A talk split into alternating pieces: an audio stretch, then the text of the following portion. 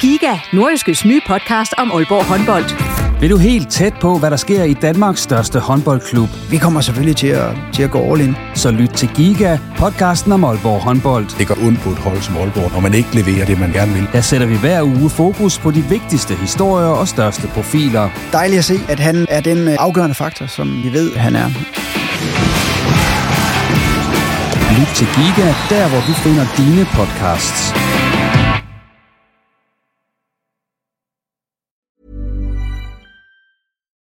Millions of people have lost weight with personalized plans from Noom, like Evan, who can't stand salads and still lost 50 pounds.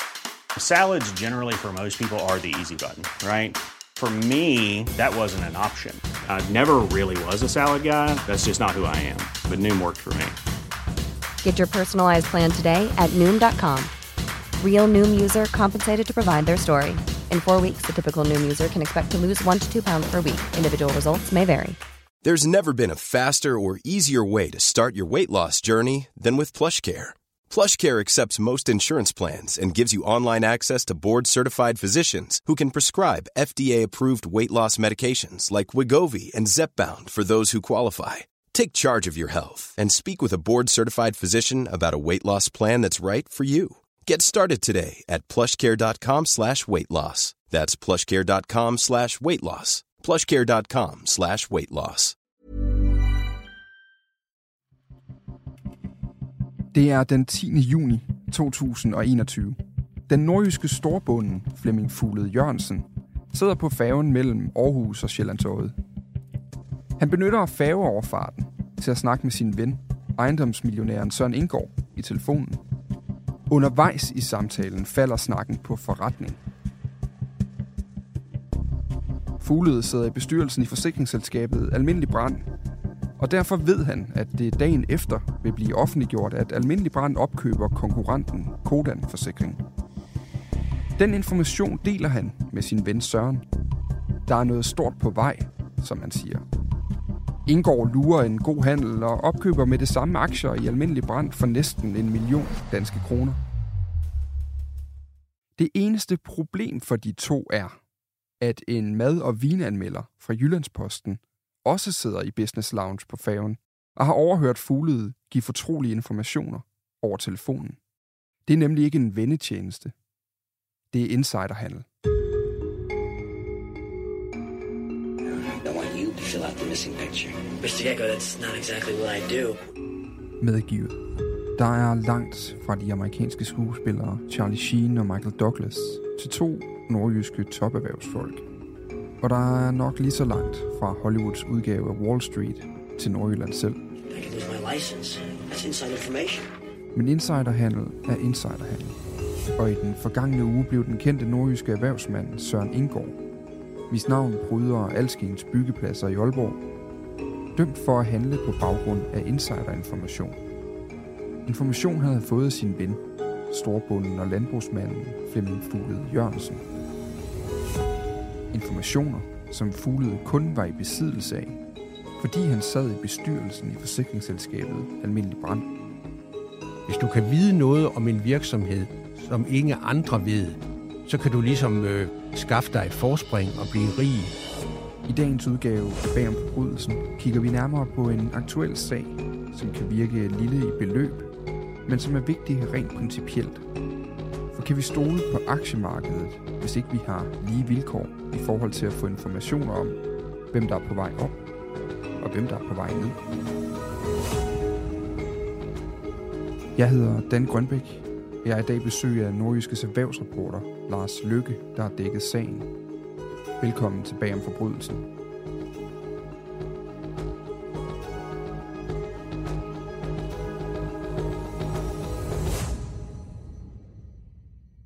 Lars Lykke, endnu en gang øh, velkommen til mikrofonen. Mange tak.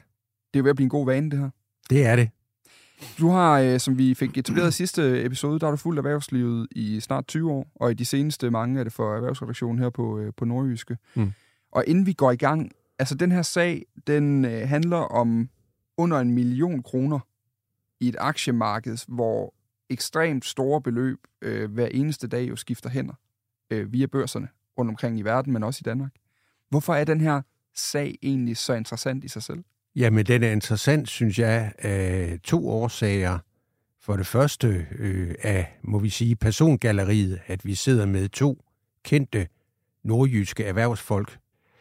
Og så er det også et eksempel på, øh, hvordan øh, princippet om insiderhandel, eller hvordan sagen illustrerer nærmest til skoleeksempel et eksempel på, øh, hvad insiderhandel er, og hvorfor det er ulovligt. Det kan vi måske komme ind på. Så der er i hvert fald to forklaringer på, hvorfor jeg synes, sagen er fascinerende. Så når vi kigger på den her sag, så er der to aspekter, der gør det interessant. Det er persongalleriet, mm. og så er det naturen af den kriminalitet, der er foregået. Ja, det er den øh, krystalklare illustration af, hvad insiderhandel er. Og det som, jeg synes nærmest, at vi, vi, vi, vi, kan, vi beskæftiger os med sådan et godt pædagogisk eksempel, hvor vi kan forklare, hvorfor det her det er ikke et andet abstrakt. Det illustrerer princippet i, hvorfor og hvordan insiderhandlen drives, og hvorfor det er forbudt. Lars Lykke, har du nogensinde set uh, filmen Wall Street? Det har jeg, ligesom mange andre. Hvor uh, Michael Douglas i rollen som den her uh, skrubeløse uh, trader, mm. Gordon Gekko, lokker mm. en uh, ung Charlie Sheen i fordav ja. uh, for at arbejde med insiderinformationer det er to vidt forskellige ligaer, vi spiller i, i forhold til den her sag. Nu skal vi ikke gøre, øh, vi skal ikke gøre nogen af vores øh, folk i den her sag til hverken Gordon Gekko, eller, mm. øh, eller Michael Douglas, eller Charlie Sheen. Men princippet er det, er det i virkeligheden meget det samme. Du har ret i, at der er flere forskelle end ligheder mellem de to sager, og den er ikke nær så kulørt, kulørt den her sag, og den er heller ikke, hvad hedder det, øh, og den er heller ikke så fornærmer jeg jo ikke nogen, vil jeg sige, øh, helt så spændende og kulørt et persongalleri, og heller ikke så store midler involveret. Men der er dog en kerne, som de to sager har til fælles, ligesom alle andre sager om insiderhandel. Det er nemlig krigen om informationer, som er det, der reelt, øh, hvad hedder det, er, er den knappe vare, som er guld værd på børsmarkedet. Hvis du kan vide noget om en virksomhed, som ingen andre ved, og det kan både være negative ting, eller det kan være positive ting, så kan du ligesom, øh, hvad hedder det, skaffe dig et forspring og blive rig, øh, hvad hedder det, som øh, aktiehandler. Og det var jo også det, Gordon Gekko, som vidt jeg husker, egentlig var specialist i. Jeg synes, vi skal starte med, øh, med at få persongalleriet på plads i den her sag, fordi det er, så, øh, det er så vigtigt for, hvorfor vi overhovedet dækker den, øh, kan man sige, med navne og så videre i nordjyske. I journalistik, der taler man om et princip, der hedder gyldne kæder. Lars Lykke, hvad er en gylden kæde? Du kan næsten høre det ordet. Jeg tror, udtrykket udspringer de gyldne kæder, som en uh, borgmester har. Det, det vil sige, at du har en stilling, som er betroet, og hvor du har magt over andre, og hvor din agering har konsekvenser for, for, for andre og dine beslutninger, og hvor, jeg tror også, der er et element af, hvor man må ligesom have en forventning om, at personen på en eller anden måde, øh, hvad hedder det, overholder spillereglerne. Og det her, selvom gyldne kæder oprindeligt blev brugt i forhold til den offentlige sektor, så tror jeg, og så det, kan vi jo også overføre princippet til den private sektor. Det vil sige, selvom beløbet i den her sag ikke er gigantisk, det kan man på ingen måde sige, så er der alligevel tale om to involverede, som har indtaget meget kendte, betroede stillinger, handler med andre mennesker, råder over store midler osv., og derfor så har vi så valgt at betragte dem som erhvervsledere og organisationsfolk, som har så central en placering at de er, hvad skal man sige, det private erhvervsliv svar på, på gyldne lænker, og derfor har vi omtalt deres navn, også inden at de var dømt, eller også inden de havde tilstået, øh, så snart navneforbuddet, der på et tidspunkt var blevet ophævet. Det er, er det forkert at sige for mig som udenforstående i forhold til det nordjyske erhvervsliv? Det er jo dig, der sidder og bruger din arbejdstid hver dag på at forstå og beskrive det nordjyske erhvervsliv. Men er det forkert at sige, at det er to af de mest indflydelsesrige, når vi kigger på det nordiske erhvervsliv? Hvis du måler det på, hvor kendte folk er i offentligheden, når du bevæger sig udenom dem, der har med dem at gøre, eller, eller uden for branchefolk, så synes mm. jeg bestemt, at, at, at du har ret i det, du siger. Flemming Fuglede er nok, øh, udover at han er storbunde, øh, så er han jo nok i offentligheden mest kendt som tidligere formand for den alternative landbrugsorganisation, øh, der hedder Bæredygtigt Landbrug, og som jo udmærker sig ved at være i skarp øh, opposition til øh, miljøinitiativer og miljø, miljøregulering af landbruget, og skarper i forhold til Landbrug og Fødevare, der er den traditionelle interesseorganisation på området. Og hvis vi vender os til Søren Engård, så er Søren Engård jo hvis man vil være så rundt i Aalborg-området, så er Søren Engård AS, altså det selskab, han tidligere ejede, ejede nu er det så drevet en af hans sønner, der ser du deres skilt på utrolig mange byggepladser, hvor der opføres boliger, hvor der udvikles tidligere områder, for eksempel hele det område, hvor den gamle etanitfabrik lå, Aalborg Universitet, lå på Sundgårdsholmsvej i Aalborg, der står Søren Indgaard AS, og dermed også personen Søren Indgaard bag. Og så står han så også bag øh, betonelefamentfabrikken Ambercon nede i Støvring, som er en stor øh, producent af betonelementer. Men det er altså først og fremmest som udvikler af ejendomsprojekter og, og, og som ejendomsinvestor, han er kendt. Og der tror jeg, han er kendt for i hvert fald mange nordjyder, der jo heller ikke, der, der, der ikke er fra øh, byggebranchen. Ja, og Indgår er vel et navn, der på samme måde som nogle af de andre rigtig store øh, ejendomsudviklere, vi har i Danmark, øh, også strækker sig ud over Nordjylland. Altså det er en, det er en, den er jo lige, det er en familievirksomhed, der er forgrenet, kan man sige, ud i forskellige selskaber, men, øh, men som i den grad er også en, national virksomhed, både målt på omsætning og på, øh, og på kendskab ganske enkelt. Søren Engård som overhovedet, eller hvad skal man sige, tidligere øh, ejer og, og, og, hvad hedder det, af Søren Engård AS, ejendomsudviklingsvirksomheden, er en kendt person, og det var jo illustreret af, at landsmedierne har været meget, meget interesseret i den her sag. Ikke kun fagmedier, der beskæftiger sig med bygge- og ejendomsbranchen, men simpelthen øh, erhvervspressen øh, på landsplan. Og det illustrerer jo en historie om, om øh, at han er kendt, og en historie Søren Indgår, og Søren Indgår AS, det er også en landshistorie. Også den her. Og så er vi jo inde i den her dag på faven. Altså, vi er tilbage mm. i juni måned 2021. Uh, øh, man skal forestille sig, at vi sidder i uh, Business Lounge på Molslinjen, øh, om, som, og den her færge er på vej i den ene eller den anden retning øh, mellem Sjællandsøjet og Aarhus, hvor den jo sejler øh, flere gange om dagen. Flemming Fuglede Jørgensen, han sidder der. Han sidder og snakker i telefon. Hvad er det, der sker, og hvad er det, der bliver sagt øh, i Business Lounge den dag? Altså det, det, vi ved, det er i hvert fald, at der føres en øh, telefonsamtale mellem øh, Søren Engård og, øh, hvad hedder det, Flemming Fuglede, som er private venner. Øh, der er ikke så meget tid til i første omgang at, og, hvad hedder det, at snakke sammen, fordi øh, Flemming Fuglede siger til sin gode ven Søren Engård, at øh, der er noget stort på vej, og det kommer frem, at næste dag så vil almindelig brand ofte gøre, at de overtager Kodan Forsikrings danske aktiviteter. Og hvorfor ved Flemming Fuglede det? Ja, det, øh, det ved han, fordi han sidder i maskinrummet. Han er bestyrelsesmedlem på det tidspunkt i almindelig brand, og der er selvfølgelig sådan et væsentligt spørgsmål, man, man øh, beskæftiger sig med. Det oprindelige formål med, at de talte sammen, det var, at Søren Indgaard, øh, hvad hedder det, gerne ville indbyde sin gode ven Flemming Fuglede til en privat jagt, men så var det jo ligesom, øh, hvad hedder det, øh, at det her kom frem. Og, og vi ved jo primært noget om, hvad der foregår i den her samtale. Selvfølgelig er der noget fra retten, hvor de to selv har forklaret sig. Men vi ved det jo ellers primært fra en relativt usædvanlig kilde i erhvervsjournalistik, nemlig øh, Jyllandspostens øh, mad- og vinanmelder, Niels Lillelund, som tilfældigvis den her dag også sidder i Business Lounge på Molslinjen. Ja, altså hvor utroligt det end kan lyde, så må vi, så må vi, øh, så må vi opfatte det sådan, at sagen kom frem, fordi en øh, mad- og øh, vinanmelder med gode ører øh, sad i samme lounge som, øh, som øh, Flemming Fuglede. Og det er selvfølgelig også, det burde jeg måske have nævnt som et endnu et, et, et meget et, et, et super kulørt element til den her historie. Det er jo den måde, at den kommer frem på. For insidersager opstår jo typisk så lidt mere teknisk med, at øh, fondsbørsen og, og de selskaber, som øh, hvad hedder det, øh, udsteder de børsnoterede aktier, de sidder hele tiden og overvåger, hvordan der bliver handlet med deres aktier, for at se, om der er et eller andet fishy at, at, at gå efter. Men her var det altså i første omgang, sådan må vi tro det, at sagen kun kom frem, fordi øh, en mad- og vinanmelder øh, beskæftigede sig for noget uden for hans øh, fagområde.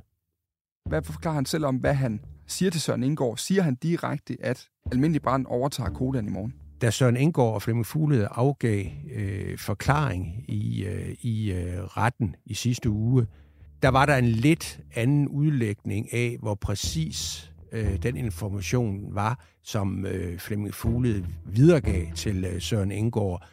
Søren Engård, øh, han øh, ømtede et andet om, at øh, at han også havde viden fra aviserne om, at øh, der skete noget inden for forsikringsbranchen, og det var ikke nogen overraskelse. og at, øh, at øh, almindelig brand opkøbte øh, Kodan Forsikrings danske aktiviteter, og, og øh, Flemming Fuglede sagde, så må man forstå det, øh, at øh, han havde ikke været så konkret. Han havde bare sagt, at store ting var på vej, og for øvrigt havde han ikke, øh, havde han ikke rigtig tid, øh, fordi han var på vej i møde. Og det er jo den dark side af, at det her var en tilståelsessag, fordi der blev ikke rigtig spurgt ind til det. Når de to personer har tilstået det, de oprindeligt var sigtet for, og der ikke er indkendt vidner, så får vi ikke rigtig konfronteret deres forklaring. Så det vi kan konkludere, da efterforskningen har vist, og det de to tiltalte har erkendt, der er jo, der er tilgået noget information om, at du var sikkert, at den næste dag blev det offentliggjort, at almindelig brand øh, opkøbt øh, Kodans danske aktiviteter.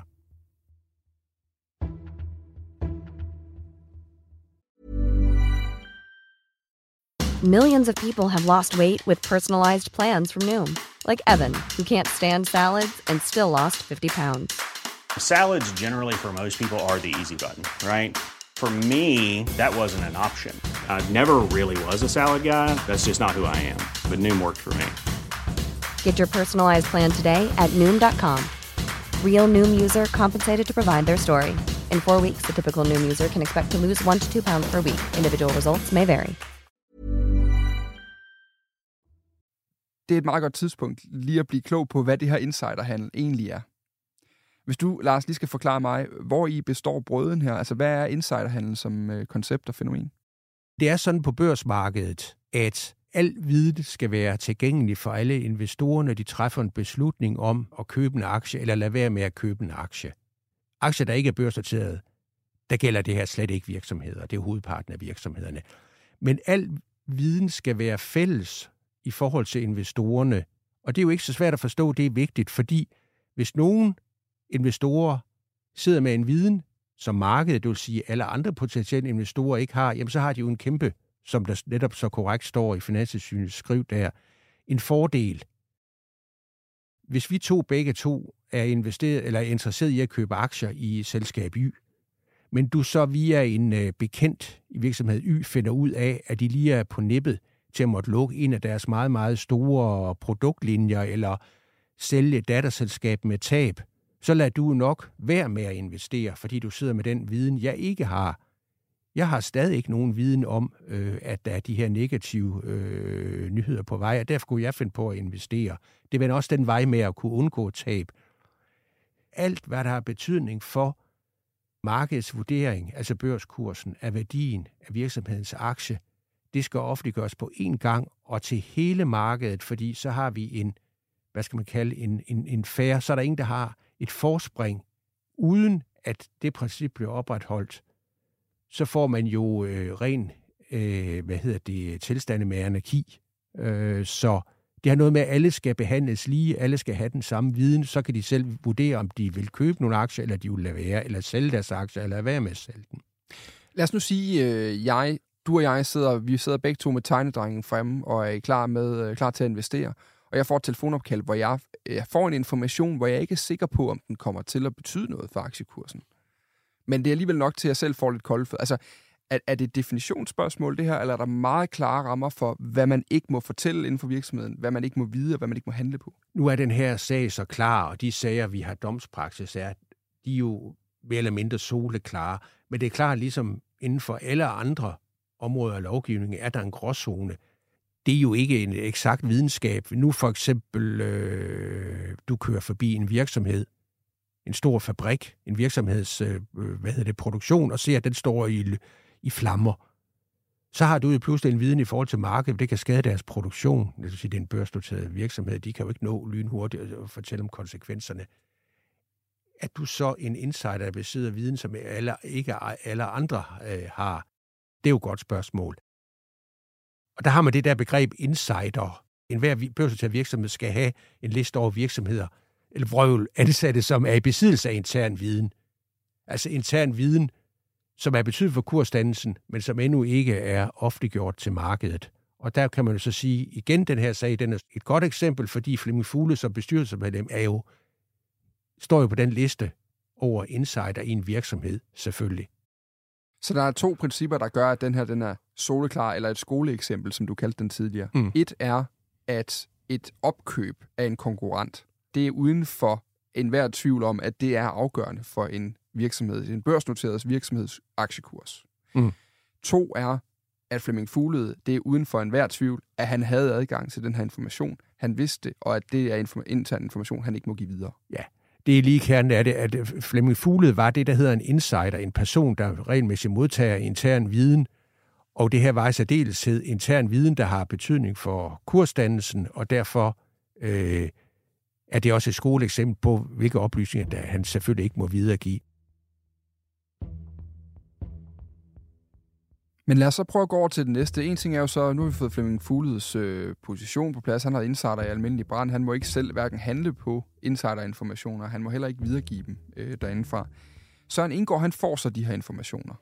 Hvad gør han så med dem? Hvad ved vi om det? Ja, Søren Indgaard øh, forklarede i retten, at han var til møde hos øh, sin bankforbindelse Danske Bank for at drøfte en investeringsmulighed. Han sagde ikke, hvad det handlede om. Den øh, faldt på gulvet, øh, den investeringsmulighed. Men øh, så har han på en eller anden måde pludselig kommet i tanke om, at der jo var øh, det her tip fra øh, hans gode ven Flemming Fuglede om, at Amelie Brand stod over for et opkøb, der blev opgjort den næste dag. Så på dørtrinens ud af mødet med sin bankrådgiver, så måtte man opfatte Søren Indgårds forklaring, så siger han til øh, bankrådgiverne, at han skal købe nogle aktier i almindelig brand.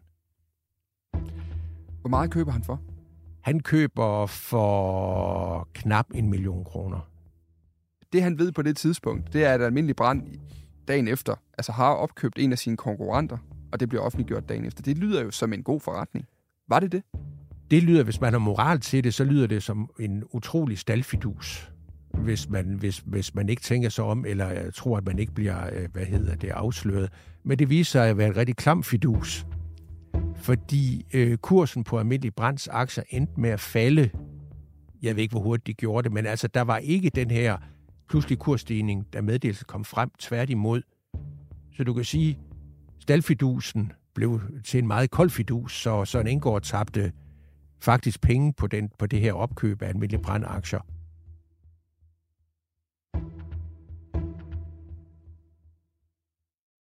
For lige igen at referere tilbage til vores øh, gode venner øh, øh, Charlie Sheen og Michael Douglas i starten, øh, så kan man sige, det er netop kæmpe store, information, altså kæmpe store øh, pengebeløb, det jo handler om på Wall Street, når de eller i Wall Street filmen skal vi huske at sige, fordi det er ikke en øh, det er ikke en non-fiktion, altså det er en dramatisering, øh, og 100% grebet ud af luften, Gordon Gekko er en, øh, en fiktiv karakter. Men det er jo kæmpe store beløber. Det har store konsekvenser for virksomheder, også dem, de her, der bliver handlet øh, om og, øh, og, og i. Her der handler det som sagt om et, et meget lille beløb, altså i det perspektiv her, øh, i Søren Indgaards perspektiv, formodentlig også, eller helt sikkert også i det danske børssystems perspektiv, om 980.000 kroner eller sådan noget, og så taber han ovenikøbet penge på det. Øhm, hvorfor, hvorfor er det, det her principielt er så forkert, det Søren Indgaard gør? Det du spørger dig om, hvorfor er det egentlig belagt med så normalt øh, høje øh, eller voldsomme straffe ja. at foretage det her? Og det skyldes, at insider trading bekæmpes jo, fordi hvis det ikke blev bekæmpet, og hvis det ikke var behæftet med strenge straffe, hvis det var den tilstand, der blev accepteret, og der ikke var en skarp sanktion, jamen så fik vi jo en situation, hvor ingen havde tillid til at investere på børsmarkedet, og det ville jo så betyde, at de børsnoterede virksomheder havde svært ved at skaffe sig risikovillig kapital, for det er jo det, aktier er. Det mest risikofyldte kapital, der er bundet i virksomheden. Mm det vil jo betyde enten, at hvis man køber aktier, så skulle, vil man ikke betale ret meget for dem. Altså, de vil blive rigtig dyre at skaffe sig den her aktiekapital for, for virksomhederne. Ellers så vil man slet ikke investere i virksomheder. Så hvor skulle erhvervslivet, eller det børsnoterede erhvervsliv, så egentlig skaffe øh, risikovillig kapital? Bankerne er jo ikke risikovillige, de tager jo lidt mindre risiko end ejerne. Så det er simpelthen, lovgivningen er så streng i bund og grund, fordi det svækker skabelsen af arbejdskraft, hvad hedder det, arbejdspladser, væksten, mulighed for at tiltrække kapital og sikre vækst og alle, øh, alle de fine ord er mm. inde blandt øh, EU's virksomheder. Så på den måde er det big business. Sagerne kan være små, men det er jo det princip for at sikre tilliden til børsmarkedet, vi er på spil her. Og derfor ser man så strengt på det. Så det er dybest set undergravende for hele, øh, hele systemet, kan man sige. Det kan du godt sige, ja. Til sidst skal vi lige omkring dommen. Ja. Hva, hvad ender dommen? Det er jo en tilståelsessag for begge parter. Øh, Flemming Fuglede tilstår at have videregivet interne informationer. Søren Indgaard har tilstået at have handlet på baggrund af interne informationer, han har fået mm. fra Flemming Fuglede. Så det handlede jo egentlig mest om strafudmåling i, øh, i retten i sidste uge. Hvad ender dommen på? Ja, og øh, straffen til øh, Flemming Fuglede endte på et niveau, som selv du og jeg kunne have været med til, og hvad hedder det, kunne have klaret øh, som personer, for han fik en bøde på 15.000 kroner. Anklagemyndigheden havde krævet en bøde på ikke under 25.000 kroner, mens øh, forsvaren havde argumenteret for en, en, en lav bøde. Og det kan man jo sige, øh, det blev jo egentlig opfyldt. Og, øh, og Søren Engård, han fik 60 dages betinget fængsel. Og det var igen forventeligt, at vi i hvert fald ville, ville at, at ret ville udmåle en betinget straf. Jeg kan sige, at jeg har tjekket op på Finanstilsynet, der i 2020 øh, udgav et øh, nyhedsbrev, der handlede om insiderhandel og, øh, og hvordan det fungerer. Der siger man, at overtrædelse af det her forbud mod insiderhandel øh, bliver straffet med fængsel i indtil et år og seks måneder. Under særligt skærpende omstændigheder straffes insiderhandel med fængsel i indtil seks år. Og så er der så en, på det tidspunkt den seneste dom, øh, der fik to personer henholdsvis 60 og 30 dages ubetinget fængsel. Så det er bare lige for at sige, at det er sådan nogenlunde strafferamme, så kan man jo selv sætte den i perspektiv til det. Man kan sige, at straffen er mild, og det kan have noget med, øh, altså straffen over sådan indgår er i udgangspunktet mild, fordi, og det er jeg selv skrevet, øh, da jeg gav mig til research på, hvilke straffe, der, ble, der er blevet udmålt. Højesteret har tidligere udtalt i en sag om insiderhandel, som nåede op til dem, at øh, insiderhandel i udgangspunktet altid skal udløse en ubetinget øh, fængselsstraf. Det kan så være kort. Men her har så det indgår så fået en betinget straf. Lars Lykke, tusind tak, fordi du kom i studiet i dag. Det var en fornøjelse. Og øh, vi har til den her udsendelse brugt øh, lyd fra traileren til filmen Wall Street fra 1987. Den kan jeg godt sige, den tåler et gensyn. Jeg øh, fik lige set den op til, vi skulle tale om den her sag. Ligesom øh, detaljer fra færgen den dag, skal vi huske at tilskrive, at de, de samme altså for journalisten Niels Lillelund fra øh, Jyllandsposten, hvor han har fortalt om sine oplevelser den dag, og, øh, og som stadig kan læses derude på det ganske frie internet. I næste uge er jeg øh, tilbage igen med øh, mere journalistik på lyd om øh, kriminalitet og ikke mindst kriminelle. Vi høres ved.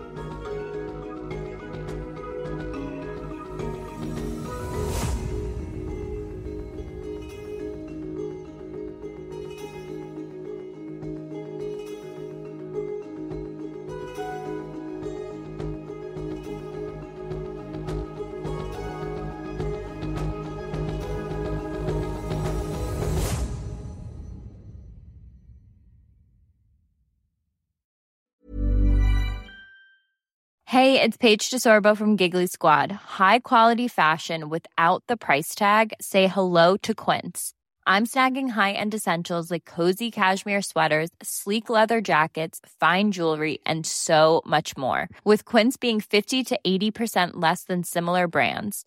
And they partner with factories that prioritize safe, ethical, and responsible manufacturing. I love that. Luxury quality within reach. Go to quince.com slash style to get free shipping and 365 day returns on your next order.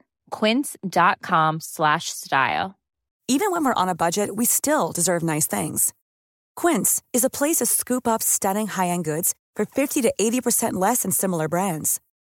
They have buttery soft cashmere sweaters starting at $50, luxurious Italian leather bags, and so much more. Plus, Quince only works with factories that use safe, ethical, and responsible manufacturing. Get the high-end goods you'll love without the high price tag with Quince. Go to quince.com/style for free shipping and 365-day returns.